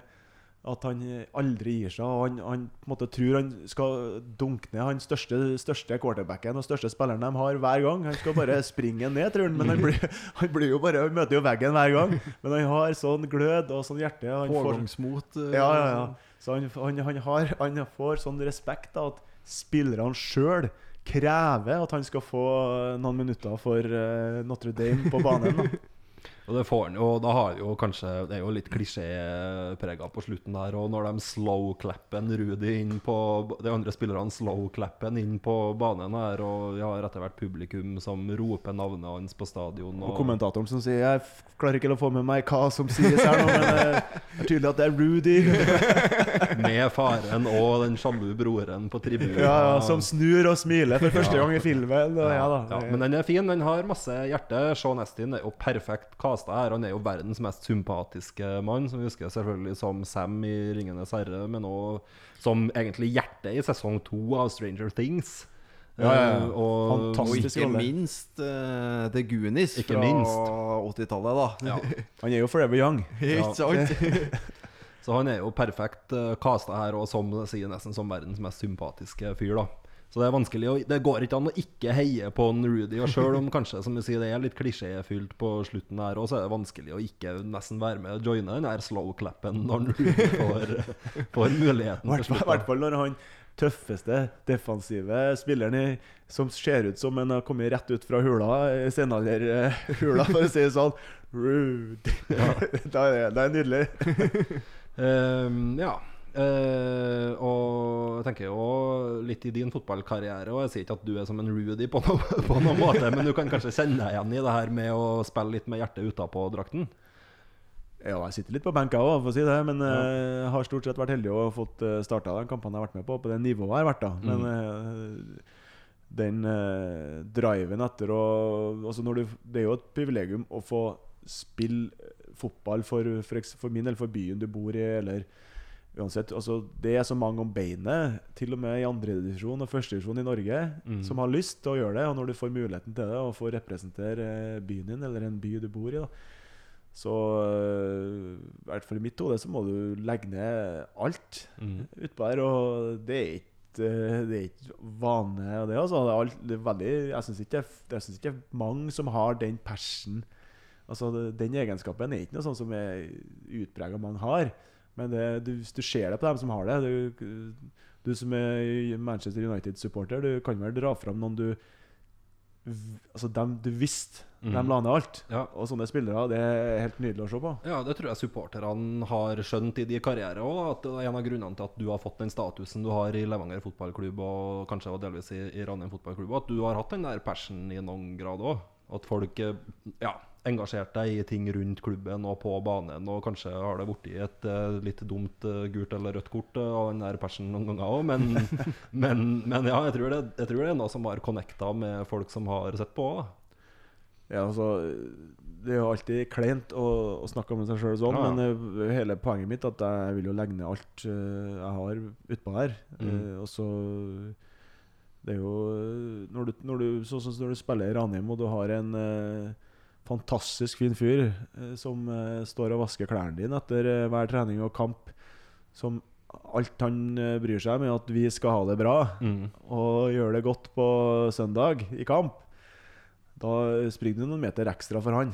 Eh, så for min del så har det alltid vært de karene som er rundt klubben, som bryr seg så inn i hampen og har det der som sin store escape da fra alt det andre. Og bare komme der og bry seg om fotball. Det, det er dem jeg har spilt for alltid. Og Og Så er det noen ting med det her med å støtte sitt lokale lag. Altså, jeg har ikke noe problem med at folk sitter og ser på Jeg har sett mye på United, da, og folk sitter hjemme og ser på Liverpool og, og hva det nå er for noen ting eh, på, i Champions League osv. osv. Men, men eh, det som kommer først, må jo alltid på en måte være å prøve å støtte sitt lokale lag. Da, som for oss har vært eh, Rosenborg i sin tid, men nå selvfølgelig da eh, Levanger for meg som bor her. Og, Og ikke minst Vikvarve fotballklubb og Rødmyra stadion for min del. Av, Ja, Inn- ikke- ikke- Innad i femtedivisjon, riktignok, men, ja, men det, det er noe med det òg, da. Å gå, Ja, gå seg en tur bort på Rødmyra, da, kjøpe en kaffekopp og en vaffel og stå og se litt rann på brødrene Stokke og, og andre som gjør det bra utpå i, i blått og gult for Vikvarve òg. Det, det er noe med det der, da. Eh, som kanskje er litt lett å glemme når eh, pengene og TV-rettighetene og hele det her sirkuset rundt på en måte underholdningsproduktet blir det viktigste. Altså Det er noe med å, å rusle ned på en eh, kamparena og se fotball. Det- Og så har du kanskje noen du kjenner, og du møter i hvert fall noen på tribunen du kjenner. Og, og hele den settingen at du har mellom seks og åtte på søndagene, så hver andre eller hver 14. dag så stikker du ned, og så eh, er det jo koselig, da. Ja. Det er tilhørighet, du føler deg hjemme. Du, det blir noe ekstra. Det, det er en ekstra dimensjon eh, for eh, det, den, eh, det lokale samfunnet du bor i. Da. Altså, vi oppfordrer folk til å gjøre det. Ja, nei, det må være, det må være første prioritet, nesten. Eh, Sjøl om jeg skjønner at det er vanskelig for de mindre lagene òg, når konkurransen er der med sånne lag som f.eks. Ja, Liverpool og United og de her virkelig store gigantene er på, på TV hele tida.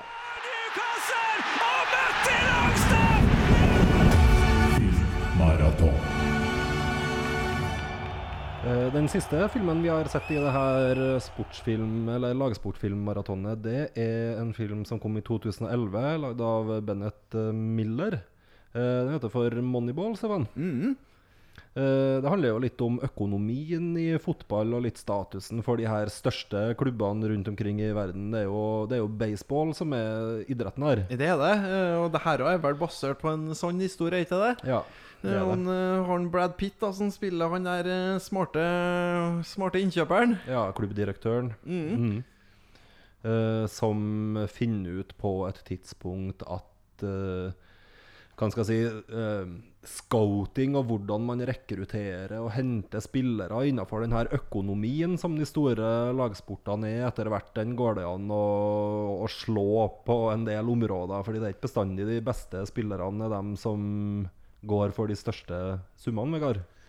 Nei, altså Det der er jo eh, interessant. Da. Det er jo I Moneyball så er jo et eh, lag som ikke har vunnet tittelen på ja, gud vet hvor lenge. Og så kommer det en, eh, en eh, liten baseballnerd mm. og snakker med en Brad Pitt som er sportsdirektør. Ja. Eh, han spilles vel av uh, Jonah Hill. Jonah Ja, det Hill. ja. Stemmer det. Eh, det, er jo ikke en reell, det er jo ikke en reell person, det er jo en karakter som er dikta opp til den Ja. her uh, filmen, som på en måte blir den personen som formidler ideene her til, til Brad Pitt sin karakter. da. Hele greia er jo vel at du, du, du bruker stats, da. Det er Mm. statistikk Ja. som avgjør hvem du henter, Ja. og ikke følelsesmessig Nei, som en Ikke scout. de, ikke de største navnene, ikke de som på en måte koster mest. eh, Eller har mest kommersiell verdi, eller ser finest ut på plakaten, eller eh, Eller slå, har best teknikk på slaget. Altså, Ja. Eller om han er ung eller gammel. De, de, driter, de driter i det. De, de henter dem som gir nok poeng statistisk til at de skal vinne serien. Mm. Altså det, det er brutt ned til det, da. Mhm. Og det kanskje funker litt bedre i baseball enn i fotball, men Ja, samtidig så er jo denne tankegangen Nå er jo John Henry er jo med i den filmen her, han som er eieren av Liverpool og, og Boston Red Sox. da Eh, Han dukker jo opp uh, på slutten av filmen, eller det er en som spiller en John Henry. Og, og han har jo implementert en del av den tankegangen her, f.eks. i hvordan Liverpool har rekruttert spillere de siste, siste årene òg. Det må vi vel kanskje si at det har vært en suksess, da. Og det er jo litt Det som jeg er litt, er litt redd for, da, med, med egentlig all uh, sport, da Men sånn som vi snakker om fotball nå, i, og i Mm. Norge òg, eh, så ser du jo at sånn som i Premier League, når du har en sjeik som kan spytte inn milliarder, så blir det vanskelig for de andre.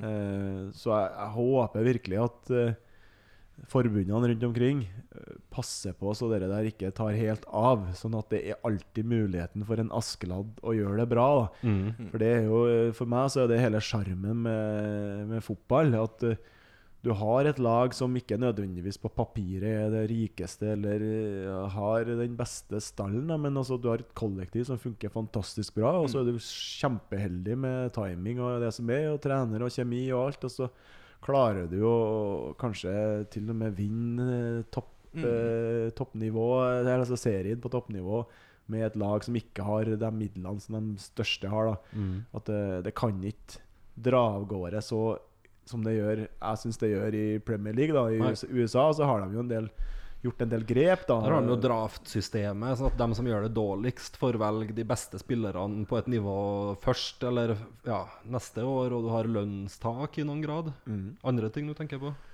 Ja, nei, de har jo gjort grep da for akkurat Mm. det der, så det ikke Mm. blir eh, helt håpløst for uh, en Askeladd eller en liten klubb da, til å, å lykkes. Og det, det er mye av sjarmen i fotball. Mm.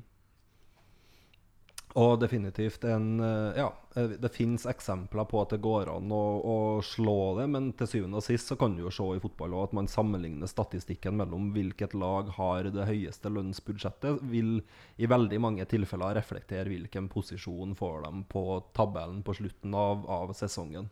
Så det går jo i noen grad an å kjøpe seg suksess i, i fotball, men da er det kanskje desto viktigere, som du sier, at av og til noen klarer å bryte det der, slå, slå det her systemet.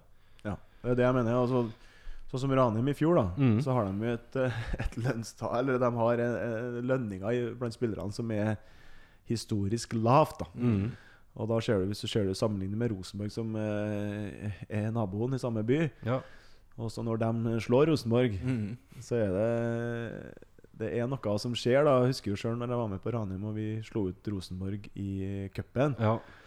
Og det var helt fantastisk. Og den, den, den eh, entusiasmen som, havna, som var på tribunen da, og at det var en del Rosenborg-supportere som på en måte skifta litt og syntes det var litt kult med Ranheim òg. Mm. Og for øvrig Per Joar Hansen sin siste kamp for eh, Rosenborg den gangen. Han ble sparka etter den, ja. Den kampen. Mm. Uh, Bendik By sin store kamp. ja, Bendik By hadde ble på kartet der, og Ja. nå er jo han skrevet under ny kontrakt uh, forlenging med Kristiansund ballklubb. Mm. Ja, og han, fra, han var nå på Steinkjer fotballklubb Ja, når, jeg bodde, når jeg bodde der. Kommer Mm. jeg på Ja. eh, han, Mm. Eh, Hva tenker du er framtida for lagene bak Rosenborg i Trøndelag? da, Vegard? Har du noen tanker om, tanker om det? Er det mulig å konkurrere, eller er de økonomiske musklene til Rosenborg så store at det er vanskelig for de mindre lagene? Nå har vi jo Ranheim og Stjørdals Blink og Levanger som er dem som er nærmest. Ja, Det blir vel aldri noen som klarer å Altså Kanskje en annen sesongen, kanskje. Mm. Men uh, over tid så kommer Rosenborg til å dominere uansett. eh, Ja. Ja, ja. Og det er nok eh, riktig ja, på mange vis. Mm, eh, ja. Samtidig så blir det noe spennende å se nå i trøndersk fotball hvordan eh, styrkeforholdene blir etter hvert. eh, For det snur fort. Eh, Bare å se på sånn som Ranheim hadde en fantastisk sesong i fjor. Mm. Rykker etter all sannsynlighet ned i år. Stjørdalsblink holdt på å rykke ned på hengende håret i fjor. Rykka opp til Obos og blir på samme nivå som Ranheim neste år, mest sannsynlig. Mm. Og så har du Levanger som eh, skal prøve å komme seg opp igjen, eh, så det blir artig å se. Så har du Verdalen og Steinkjer som har havna på fjerdedivisjonsnivå. Så Steinkjer er i fjerde, fjerde nå, ja. Ja, så nå Verdal er- ned. Så det ser vi jo at de lagene som er nærmest Rosenborg, de ligger jo òg på denne aksen mellom Trondheim og flyplassen. Ja. Uh, gjør jo det, så det er jo noe geografisk uh, her òg, at det samler seg jo i, innenfor et relativt lite geografisk område i et egentlig ganske stort fylke. da. Ja, du har jo en, eh, det er jo en tett relasjon mellom Ranheim og Stjørdalsblink, eh, i hvert fall i år. da, Så Mm. de har sendt litt spillere frem og tilbake. Og Rosenborg har jo historisk sett sendt en del eh, spillere frem og tilbake til Ranheim. Mm. Så at de har jo dratt nytte av hverandre. Mm. Så det, jeg tenker jo det er positivt å ha noen lag under Rosenborg mens som spiller da i, i førstedivisjon eller, eller tett oppunder der. Så, Ja. at, så at man, man kan utvikle trønderfotballen, det tror jeg bare, bare er positivt. da Ja, og så har det vært veldig kult med Ranheim at de har gjort det, hatt det her eventyret oppe nå, og kanskje det blir en sesong til òg. Absolutt. Kan jo Men jeg er jo sånn skrudd sammen at eh, Som vi snakka litt, toucha litt innom i stad at nå nå når jeg er Levanger-spiller, Ja. da er det Levanger som betyr noe. Ja ja, det er klart. Og, og Rosenborg for min del det er langt ned på lista. Det er alltid Levanger som eh, betyr noe. For jeg har jo en, ser på det som en mulighet at vi kan møte Rosenborg i cupen og slå dem. Mm. Og det skal ikke være noe tvil om at du støtter Levanger da, når du er fra Levanger. Jeg har jo hatt den debatten med mange eh, innbyggere på Levanger. For det er jo en diskusjon lokalt her, at folk Ja. heller kjører til Trondheim og ser på, og ser på Rosenborg, enn at man går på Moan og ser på LFK. Jeg og Stefan vi er jo sør- så vi har jo Rosenborg i vårt hjerte, men Ja, det, altså, jeg, jeg drar og ser Champions League jeg òg. Mm. og se på de store Og se på kvaliteten der på Lerkendal er fantastisk artig. Uh, men uh, du må uh, min, min mening er at du må støtte eh, det lokale laget ditt først. Mm, mm. Og så kan du følge med på Rosenborg og føle litt tilhørighet der òg. Det er greit, det. mm. Men uh, backe ditt lokale lag først. Altså, det er soleklar mening fra min side. ja, kom på kamp på Moan. Ja.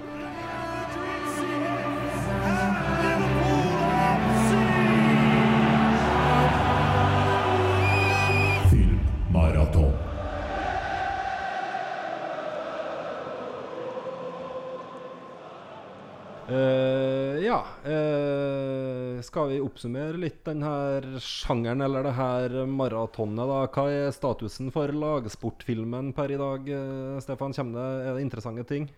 Ja da, eh, absolutt. Eh, det vi kan se litt òg i den sjangeren her, er jo at det ofte blir litt sånn formelprega, kan bli, Mm. uten at det er noe negativt. Eh, så det er jo egentlig litt om hvem som klarer å fylle den formelen best, ofte òg, som kan være et suksesskriterium. Og jeg tror ikke vi har sett det siste av eh, av eh, sportsfilm, eh, vi også. Det kommer til å komme ny og få nye, nye historier. Forhåpentligvis så kommer det til å skje Asken, Askeladd-historier i det virkelige livet òg, som kan inspirere nye filmer etter hvert. da Ja. Det kommer en pilot på Kosmorama til våren nå om en eh, ung og lovende fotballspiller fra en liten by utafor Trondheim. Det, det lukter kjempesannsynlig. Men jeg tenker sånn Som òg som også dreper folk, da. ja, Han har muligheten, i hvert fall. Og han har hjertet på rett sted. Han har hjertet på rett sted. Men, han, men det, er, det er litt sånn Ja, nei. Ja. De, så der kan de egentlig bare, juryen bare begynne å forberede seg. Ja, det er bare å notere navnet mitt etter hvert. Det, det, er ikke tvil om hvem som blir vinner der. Nei. Eh, vi skal dra fram én favoritt. Eh, Vegard, er det Friday Night Lights-serien som er anbefalinga Anbefaling nummer én?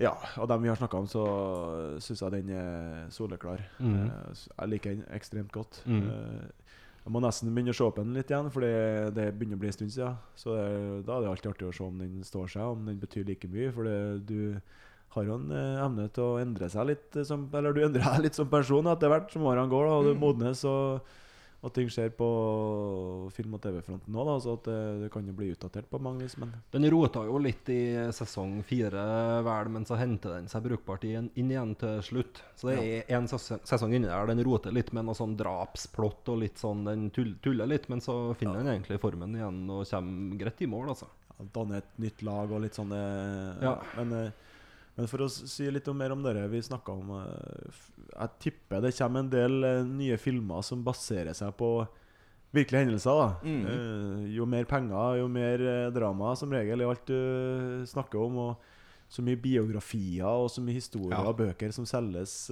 fra det indre liv. Og store profiler som skal sikre pensjonen sin med å selge historier fra kontroversielle ting som du ikke kanskje har fått alt av innblikk i. da Det tror jeg kommer til å bli, bli filma etter hvert. eh. Det er Litt rart at det ikke har kommet en Lester-film allerede. Ja, egentlig. faktisk. Men den er vel ikke så langt unna, sikkert. Da drar jeg fram en liten anbefaling også, her som vi ikke har nevnt ennå. Så kom jo, nett, kom jo nettopp denne dokumentaren om en Diego Maradona på Netflix. Nei, Netflix er på iTunes, norsk iTunes. Den kan man se, se der. Den er lagd av samme fyren som har lagd dokumentar- dokumentaren om Amy Winehouse Ja. Arton Senna, og, og, og jo et kjempenivå, alt han gjør, egentlig. Mm. Uh, så den fokuserer på tida til en Maradona i Napoli, fra han kommer dit og blir sånn lo blir ja, lokal superstjerne på nærmest som en helgen i, i Napoli, ikke sant? Til han forlater derifra i vanry med kokaindom og, og hele Følger den delen der av karrieren til en, eh, til en Maradona. Så den er veldig interessant. Så har du jo, du har jo flere TV-serier som på en måte skal være eh, Fortelle om garderobe og indre liv i klubber. Du har jo eh, Mjøndalen som hadde i Norge. Og så har Stemmer du det. Eh, Hva uh, het den serien? Uh, alle, alle gutta. gutta lagde en Thomas Aune fra, fra, fra Fotball. Heia, nei, Ja, ja, FK fotball. FK Ja. fotball. Og så hadde du Sunderland til I Die, og Ja. så har du Juventus som han Men det, altså, hele konseptet der er jo at du må ha uten filter. Ja. Altså Juventus sin, for eksempel, den er For pro- for profesjonelle. Ja, den, den, den funker ikke. Du, Mens Sunderland til I Die, for eksempel Fantastisk bra. Kjempeartig å se. Så det er ufilter... U Ja, ja. Ufiltrert hva som foregår på kontorene, Ja. her da, hvor du ser hvor tilfeldige ting er. Og helt tatt det med spillere inn og ut, og trenere inn og ut, og det økonomiske spillet som foregår der. Og Hvordan en så stor klubb bare kan bli et slags synkende skip som folk bare vil komme seg bort fra. i, en, i en Eh. by da som kanskje Leve og puste fotball. Ja, nettopp. Så Newcastle og Sunderland, der er det helt vilt hvor de bryr seg om fotballklubben ja. sin. Og da er, da er det folkemøte når det, ting ikke fungerer, for å si det sånn. mm. Eh, ja, eh, Vi skal ta med oss uh, en kultfilm helt til slutt, Stefan. Uh, da skal vi litt tilbake i tid den gangen her. Uh, det her er jo en film som en del kanskje har vært borti. Ja, men så opplever jeg òg at en del opp, ikke har hørt om. Jøss, fins det? Ja. Eh, Og, og, og det, det er jo fordi at det er jo en eh, Sylvester Stallone-film, og det syns jeg passa nå på Kultspalten, i og med at vi hadde en Arnold Schwarzenegger i forrige episode. Dolph, Så- Dolph Lundgren før der. Så nå må vi over til den andre sjefen, tenker jeg, i, i, i fi- filmbransjen. Ja. Uh, og filmen vi skal da snakke om, da blander vi Sylvester Stallone, og så blander vi, blander vi fotball, og da får vi filmen 'Escape to Victory' fra 1981, eller bare 'Victory', som den heter i USA, eller 'Flykten til frihet', som den het på VHS i Norge. Eh, Den filmen da er jo da regissert av en John Huston. Eh, Han er jo ingen småmann, han i Hollywood. Eh, Har reg- regissert filmer som 'Treasure of Sierra Madre' og ja, kan ha Kommer ikke på i farten, men eh, store store Hollywood-klassikere. I tillegg til at han eh, også har vært skuespiller. da Spiller jo bl.a. i Chinatown. eh, Faren til Faye Dunaway der. Og så er han vel faren til Angelica Houston i, i virkeligheten. Ja. Så, så han bak på, på regi, foruten en Stallone, så har vi en Michael Kane. Han Michael Kane da, han spiller da en tidligere Westham-profil. Eh, For at filmen da er jo satt under eh, andre verdenskrig, og vi følger da en eh, gjeng med straffefanger, da, deriblant Michael Kane. Eh, og vi følger òg da en uh, nazioffiser på denne leiren som blir spilt av eh, vår gode, gamle Max von Sydow. Oi, oi, oi. Hvor gammel så Han ser vel ut som han er 70 år allerede der, da? Ja da, selvfølgelig. Det, det er jo sånn det skal, skal, skal, skal være, det. Han spiller jo faktisk en forholdsvis sympatisk nazist, han som har vært en tidligere tysk landslagsspiller. da som, Og han ønsker da at krigen kunne ha blitt avgjort på fotballbanen. Mm. ja. og eh, snakker jo litt med Michael Kane der, da, og de finner ut, eh, finner ut at han ønsker å sette opp, eh, sette opp et fotballag med allierte krigsfanger mot tyske soldater. Men så finner jo det her, eh, jo det her eh, propagandaapparatet til naziene ut at eh, Nei, det her var en god idé, men de skal få møte det tyske landslaget, sånn at vi er sikre på at vi vinner, vinner det her. Okay, Ja. så, så da blir det jo det. Stallone han er jo amerikaner, så han kan jo egentlig ikke fotball. Nei. Så han på treningskamp da, så misforstår jo han spillet. Han begynner jo å slenge seg ned og tar med, med, hendene midt på banen og sånn. så det gjør jo at en Stallone han blir jo sjø- sjølsagt keeperen. Ja, det blir han. Eh, Filmen har jo med masse, masse kjente, ekte eh, fotballspillere. Den største rollen er jo en Pelé. Mm. Eh, og vi har eh, vår egen norske Halvard Thoresen med. Og så andre uh, Osvaldo Ardilles. Ja. Co Prins vel, var vel en nederlender. Han husker ikke jeg. Mike Summerby. Mm. Er det Bobby Moore? Mm. Så alle, alle der er, er fotballspillere som er med og spiller på laget til de allierte. Eh, filmen har jo òg selvsagt en obligatorisk sånn eh, fotomontasje, eller sånn treningsmontasje, da, der laget driver på å trene seg opp og blir bedre og bedre. Likevel en Sly. Ja, ja, ja. rockefilmene. Har erfaring der. Ja, absolutt. Så, så det, de har på ingen selvs måte droppa den, nei. Eh, filmen har òg en litt sånn der kjedelig eh, subplot om at de skal prøve å flykte fra denne leiren og sånn, og bruke fotballkampen sånn skalkeskjul for det. Det, det orka ikke jeg følge med så mye på, det der plottet der. Eh, men når fotballkampen begynner, da, da koser jeg meg, vet du. Da er det uh, underholdning, uh, underholdning her. og Da la du bort mobilen. jeg gjorde faktisk det. men, men, men faktisk så satt jeg vel og, og kikka litt sånn under det der Litt på. Facebook Ja, ja, litt. høres ut som her underveis. da Helt, helt, helt riktig, det, vet du. Eh, Så tyskerne, de er jo gode. Og de spiller jo, spiller jo rått. Så sjøl om en Pelé, som har en ganske stor eh, rolle i forhold til de andre spillerne, da, får faktisk en del replikker og sånn som den framfører veldig dårlig, det, men, men det er nå så. Ja, ja. Men han får vist fram dribleferdighetene sine veldig. Men tyskerne, vet du, de er stygge, vet du, så de takler den og skader den. så han må jo, må jo ut, i, ut av banen, og tyskerne ender jo opp med å gå opp i 4-0 i ledelse her. Um, Den, men- farlige, den farlige 4-0-ledelsen. den farlige 4-0-ledelse er helt, helt, helt riktig. Men det som skjer, vet du, er at de begynner jo etter hvert Og Michael Kane får nå skåra et mål her. Og så går de sånn sakte og sikkert opp da, til at de slår tilbake, så det står 4-3. Og da finner en Pelé ut at sjøl om han er aldri så skada Let me in! Let me in again! Så han får jo komme inn på banen, så, så mens han står der og holder seg for både brystet og magen, da, så går han rundt og dribler rundt hele alle, alle nazityskerne der. Med, med brokk og, Ja, ja, ja. og ribbeinsbrudd. Jepp. Og ender jo da opp med å få en brassespark rett i kassa. 4-4.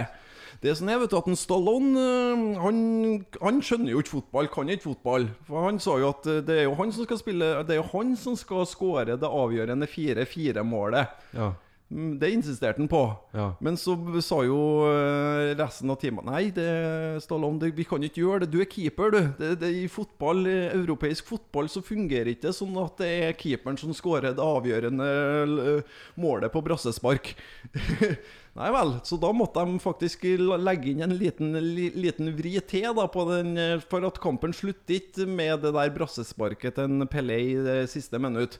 For at tyskeren kommer tilbake og får straffespark. Ai, ai, ai, ja, ja, ja, så da blir jo selve klimakset om en Stallone klarer å redde straffen eller ikke. Skal vi tippe, Vegard, at han gjør det? At han tar den?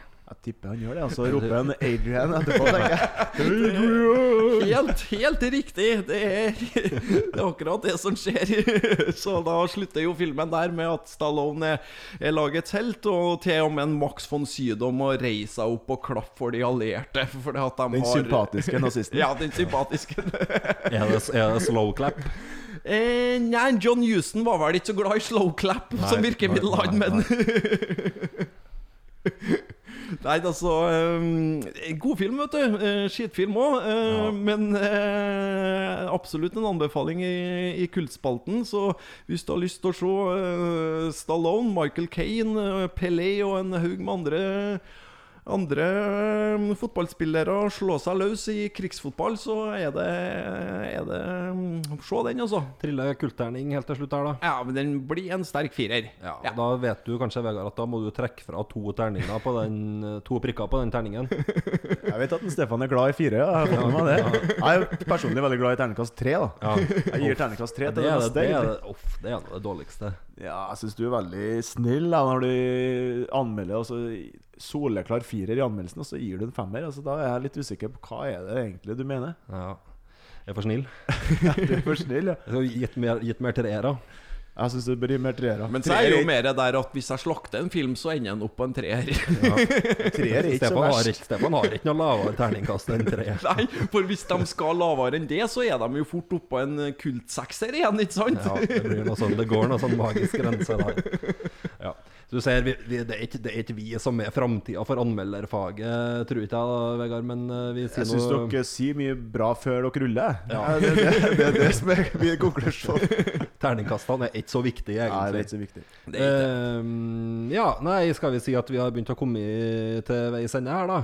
Har du noe mer du vil eh, legge til, Stefan? Ja, jeg har det. Ja, Eh, for det, det er en lagsportfilm vi ikke har nevnt i det hele tatt under det maratonet her. Oi. Eh, Da snakker jeg om Michael Jordan, jeg snakker basketball, jeg snakker snurresprett. Ja. da skjønte jeg vel at jeg bare må få nevne Space Jam fra 1996. Det var en godfilm i min bok, i hvert fall. Ja, det og, en- og grunnen til at jeg må nevne den nå, er at det i 2021 kommer faktisk en oppfølger med LeBron James. Ja, vet, det, LeBron er kasta som den eh, Ja, han har jo vært den største stjerna i basketverden etter Michael Jordan. Ja, så da får vi mer snurresprett og forhåpentligvis mer monsters og Ja. Store forskjellen på Michael Jordan og LeBron James er jo at LeBron James faktisk er en ganske karismatisk og brukbar skuespiller. Eh, så det kan jo faktisk ha muligheter til å bli en ok, okay Ja. film. Space, Space Jam var grei, den, altså. Ja, Det er den jo- var kul. Klasse. Den, den, Ja, ja, den er jo det er Bill Murray som kommer inn på banen der på slutt. Og nei, den er konge. ja, men, men det var ikke Michael Jordan som var stjal showet Nei, der. det var det ikke. Det var Men- en Duck. Men gjerne inviter meg når dere skal ha Bill Murray special. Da, da kommer jeg. Det er jo helt Eh, fantastisk fyr. Ja, det, det, er det, det er det absolutt. Det skal vi kanskje ha, Stefan. Ja. Det var ikke så mange det blir etter Birgitte Nilsen-maratonet. Vi har så mye som vi har lina opp nå. vet du, Jeg på å tenke litt mer på Birgitte Nilsen-maraton. Om det kanskje blir litt lite, så hva om vi tar en sånn kombinert Birgitte slash Leslie Nilsen-maraton? Begge. Ja, det kan vi. Et Nilsen Nilsen-maraton. Nilsen-maraton. Ja, nei, vi får se. Uh, takk for at du kom, eh, Vegard. Tusen takk for at jeg fikk komme. Eh, veldig hyggelig å ha deg her. Så håper vi at vi ser deg på banen neste år òg. Ja, vi satser på det. Ja, vi er- tilbake med en ny episode, vi, Stefan, om ikke så altfor lenge. Da Ja da. har du vel eh, ønska deg litt julefilm? Vi var litt inne på det sist òg. Vi skal ha julefilm, men det kan være at vi klarer å smekke inn en liten spesialepisode der vi skal tilbake til video, videobua i 93 før vi begynner på julefilmen. Ja, det er vel den første som kommer nå, ja. Vi skal ha en liten videosjappe-episode. Ja. Ja. Yes, OK, da er vi tilbake, vi, om ikke så altfor lenge. Ha det bra! Ha det. Ha det!